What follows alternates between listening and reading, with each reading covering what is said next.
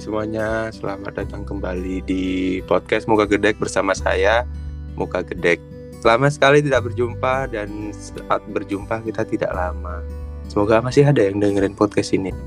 Ya paling ada kok. Kemarin aku masih ngecek masih ada sampai berapa ya? 12 orang mungkin. Nggak banyak lah 12 orang kayak les-lesan nih 12 orang. Hari ini saya nggak Lumayan lah ya. Iya. Loh, ada suara. Sepertinya saya hari ini tidak sendirian. Jadi hari ini saya bersama teman saya. Di sini bersama Vida. Halo Vida. Hai, oke Ah, oke. Hai Kak Gedek. Kabarnya gimana? Eh sedikit tidak baik, kurang bermain sih karena lagi ppkm gini kan, nggak bisa ke mana-mana nih. Oh ya buat informasi kita ini ngerekamnya pakai Discord. Jadi ini sebenarnya kita nyoba aja sih nyoba rekaman jarak jauh. Jadi saya ini kan posisinya di Lumajang, Jawa Timur. Kalau Rafida di Kalimantan Utara ya? Di di mana? Agak Apa? ke timur dikit, agak ke timur dikit. Oh, di Sumatera pasti. Aduh, tentu salah, agak ke timur, timur lagi dikit lagi. Oh, di Sulawesi kan. Ah, di Jogoyudan nih aku nih. Jogoyudan ya, jauh Iya, sekali. pernah tahu nggak sih? Sekali kita ya. aja. Teman saya satu kota, cuman karena di Lumajang ini ppkm-nya sedikit ketat ya, jadi kita nggak ke mana gitu, kita nggak boleh keluar keluar gitu, nanti kita di sniper dari jauh. Jadi kalau kita Nggak mau boleh. keluar kita harus kamuflase pakai daun-daun gitu. Kita jalannya merayap lewat gorong gitu di Lumajang kayak gitu ya Rafida. Enggak gitu, enggak gitu. Kamu kalian kayak gitu. Kayaknya di tempatku aja kayak gitu. Iya, kita kan satu kota. Tukium aja yang kayak Oh gitu. iya, ya. kayaknya aku aja yang kayak gitu. Daerah Tukium aja yang kayak gitu. gitu aja. Kayaknya ya. Hmm. Ini timekeepernya saya lupa juga ini bodo amat ya udah dapat berapa menit. Karena boleh tahu sih bukannya apa ya kalau boleh tahu. Sibuk banget sampai lupa mau main. Kalau Ah. sibuk eh, akhir-akhir ini lagi fokus ke hidroponik sih, hidroponik sayur, Ah. selada lebih tepatnya. Oh tapi sebelum sebelum masuk ke hidroponik ini Vida, Vida masih bekerja di kantor juga kan kalau nggak salah. Oh iya, sempat kerja di kantoran sih. Cuma sekarang udah waktu PPKM tuh udah fokusnya ke hidroponik sih mulai November eh apa tahun kemarin. Oh jadi jadi dipecat ya di kantornya ya? Ah, ah, bisa agak halus dikit nggak sih bahasanya dirumahkan gitu loh. Di rumah kan. Iya. Perusahaannya juga perusahaan riba ya, jadi nggak apa-apa. Jadi kalau di hidroponik ini udah berapa lama jalannya? Udah dari November tahun kemarin berapa lama deh? November, Desember. Sekitar 8 9 bulanan. Pan- Ntar lagi mau lahiran nih. Wah iya benar, udah udah mau lahiran di mana kan rumah sakit pada penuh sekarang. Eh, lahirannya di kebun aja. Tiap minggu kita panen, kita storin Oh. ke banyak pelanggan gitu aja. Nah, mainnya juga di kebun kan. Iya, mau di mana lagi gak di kebun? Oh iya, main berapa lama kalau boleh tahu? Eh, ya yang nggak terlalu cepet, nggak terlalu lama gitu loh. Ini panennya biar cepet ke sampai di pelanggannya, biar pelanggannya nggak nunggu-nunggu. Oh. Kalau kecepatan juga kan nanti bahaya di jalan itu Kak, ada tabrakan gitu gimana kan? Oh iya iya iya. Eh, dari segala pekerjaan sampingan yang jadi pekerjaan utama sekarang, kenapa sih milih hidroponik?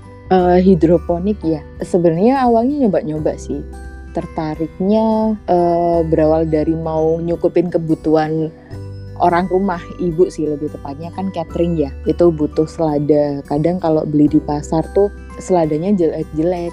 Jeleknya itu kadang kotor karena mereka kan tanamnya konvensional pakai tanah. Jadi kadang beli itu banyak tanahnya Ta- terus kenal hidroponik kalau seladanya dari hidroponik kan lebih bersih terus lebih sehat juga tanpa pestisida gitu-gitu Oh, akhirnya keterusan keterusan banyak yang pesan akhirnya bikin kebun juga yang lumayan nggak gede-gede banget sih cuma ada lah oh iya iya iya. Aku juga sempat sempat lihat itu di postingan Instagramnya. Kebunnya gede Mhm. banget. Sampai ada sapinya dua ya di sana ya. lima dong dikit Oh. banget Udah lima sekarang. Iya iya nggak mau yang dikit-dikit iya iya, iya. maaf maaf maaf. oh iya Kalau Afif sendiri sekarang gimana nih studionya katanya pindah studio nih ya pindah studio ke, ke gedung yang baru ke kontrakan tapi karena di gang tempat kontrakan itu berada ada yang positif covid dan meninggal jadi untuk sementara kita WFH dulu karena pekerjaanku online ya jadi fine fine aja sih cuman Hmm. bosen aja sebenarnya di rumah jadi ya, Hmm. overall kita fine fine aja Hmm, tapi di Kalau- rumah baik-baik aja kan? Eh, sehat semua? ah kalau di rumah itu dia masalahnya jadi kakakku ini habis kayaknya habis kontak sama OTG lalu dia Hmm. di swab tapi swabnya itu ada dua Mhm. aku nggak tahu ya. jadi ada swab apa gitu keterangannya yang satu Mhm. reaktif yang satu negatif jadi kata dokternya di masnya kakaknya itu nggak apa-apa cuman disuruh isoman aja di rumah tetap nggak boleh kita nggak boleh interaksi sama dia jadi di rumah dia aku bikinin kayak penjara bawah tanah gitu kalau ngasih makan lewat pintu jadi kalau dia keluar kita pecut Ini ya kayak sumur gitu ya, pakai Hmm. tali gitu ya. Terus di bawahnya direndam air gitu kayak di bawahnya Astaga. eh, awang kekuatannya Dipasung juga nggak? Enggak, kalau dipasung kan kayak nggak manusiawi banget ya. Oh Jadi ya masih ya, nggak. ya nggak manusiawi. Oke oke.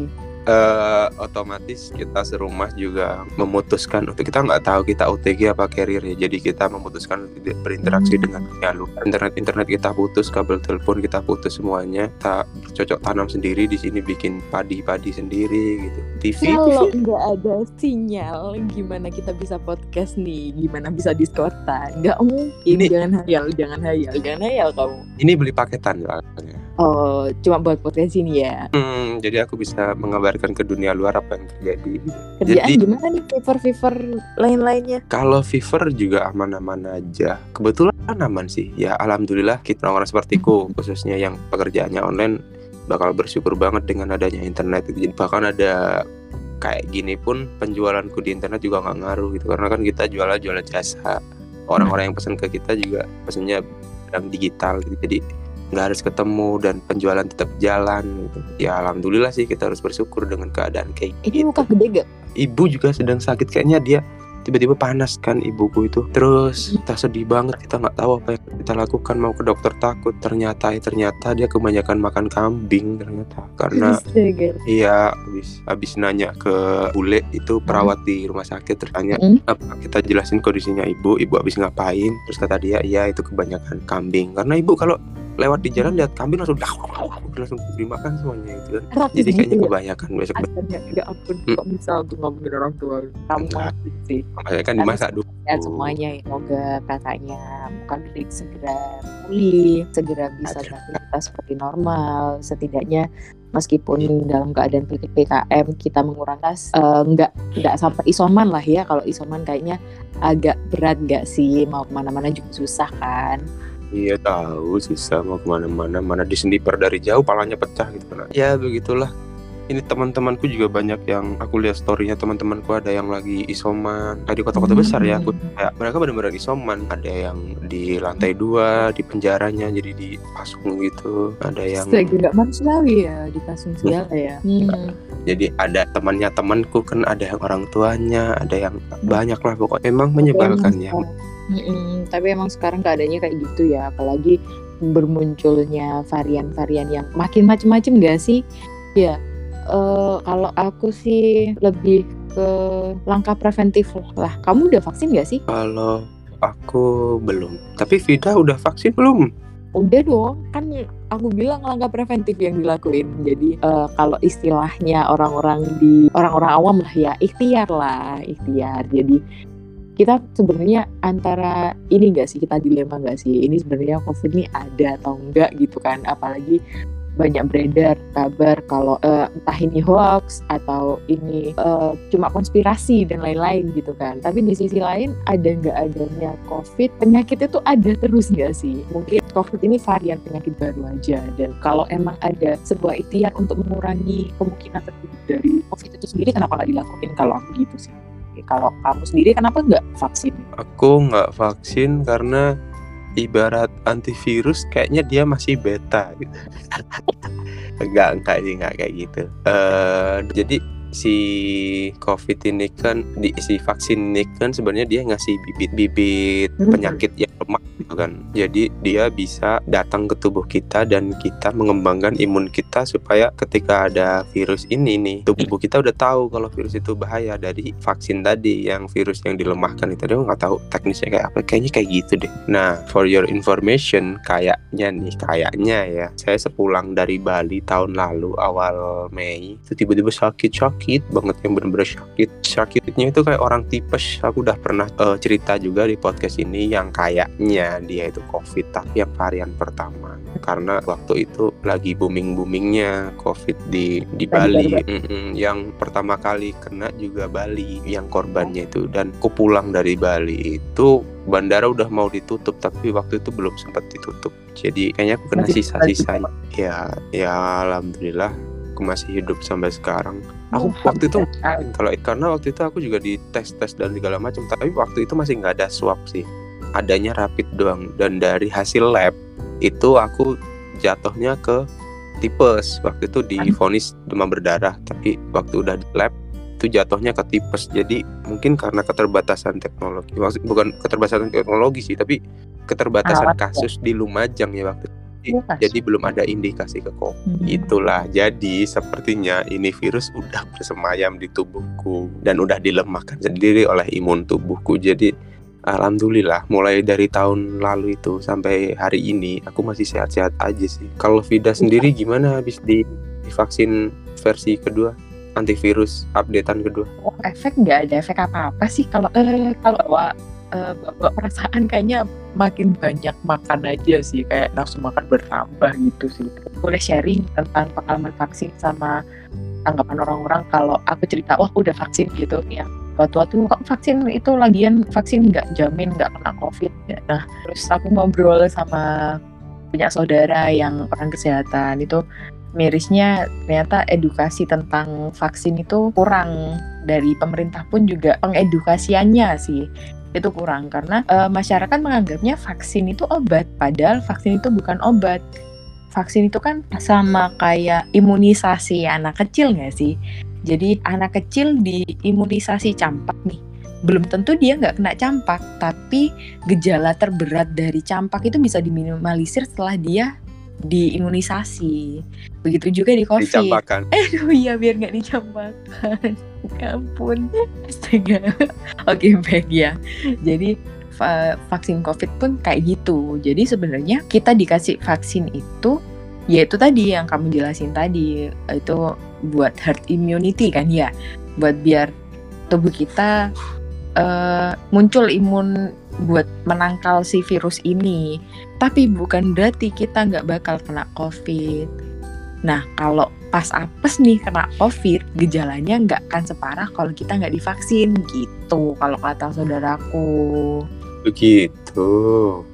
Hmm, jadi kenapa orang banyak yang takut? Karena yang di blow up juga berita-berita yang jelek-jelek doang, yang habis vaksin meninggal padahal setelah di tracking ternyata dia sebelumnya uh, minum obat apa apa yang akhirnya bikin darah tinggi terus stroke. Angin duduk itu apa apa sih kalau kalau bilang kayak gitu-gitu kan? Itunya nggak disampaikan orang orang uh, pada umumnya uh, bacanya cuma headline-nya doang. Headline-nya setelah divaksin meninggal. Ya udah itu doang yang ditangkap di otak mereka. Makanya mereka nggak mau vaksin. Gitu sih. Kalau aku sendiri nggak mau vaksin karena sebenarnya aku takut sama jarum tau. Eh ya ampun badan segede gitu takut sama jarum? Ya anda ini ya anda ini. Donor darah ini pakai bluetooth atau wifi. Aku mau deh. Banyak banyak apa pun. Yang penting nggak kerasa kan. Sama juga ya. Asal jangan infrared aja ya. Ya begitulah. Lika-liku si vaksin dan pandemi ini. Kita coba ya cari berita terbaru tentang coba aku ngetik di Google COVID-19 di Indonesia. Klienku juga banyak yang bilang juga kalau wah di Indonesia lagi buruk ya COVID-nya ya. Kamu jaga kesehatan sama keluargamu gitu. Eh, aku balesin udah sampai luar dong kabarnya di Indonesia yang sampai segitunya tuh. Iya, jadi sampai di luar pun banyak yang tahu kalau di Indonesia penanganan COVID-nya kayak gitu. Jadi wow. di Indonesia peta persebaran kasus total kasus 3,03 juta. sembuh 2,9 juta, meninggal 79 ribu.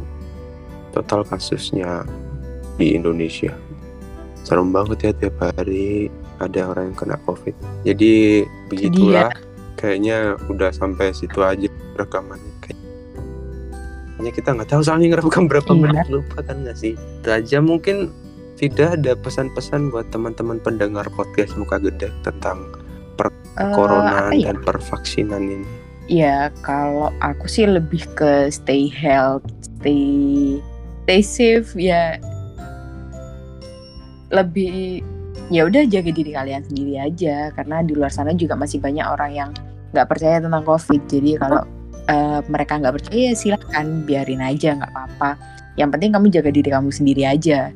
Eh, kalau diri kamu sendiri udah dijaga, kemungkinan kamu berkontribusi menjaga orang lain gitu aja sih jadi kesadaran diri sendiri aja terus tetap waras ya karena eh, banyak sekali berita kabar isu yang sebenarnya kita sendiri nggak nggak sulit untuk membuktikan itu benar atau enggaknya jadi ya udah jaga kesehatan lah jaga kebersihan lagian pun ada nggak ada covid seharusnya kita yang menjaga kesehatan sama jaga kebersihan Iya iya iya sangat bijak Itu sekali dan sih. lumayan panjang. iya iya ya ampun panjang nggak kerasa ya Baiklah, terima kasih atas waktunya Kakak Fida. Semoga Iya, sorry kita juga ya diberi kesehatan. sekali. Itu aja dari kita berdua. Mhm. Ada di Jago Yudan dengan keberadaannya dan saya Muka Gedek mau pamit dulu. Bye. Bye.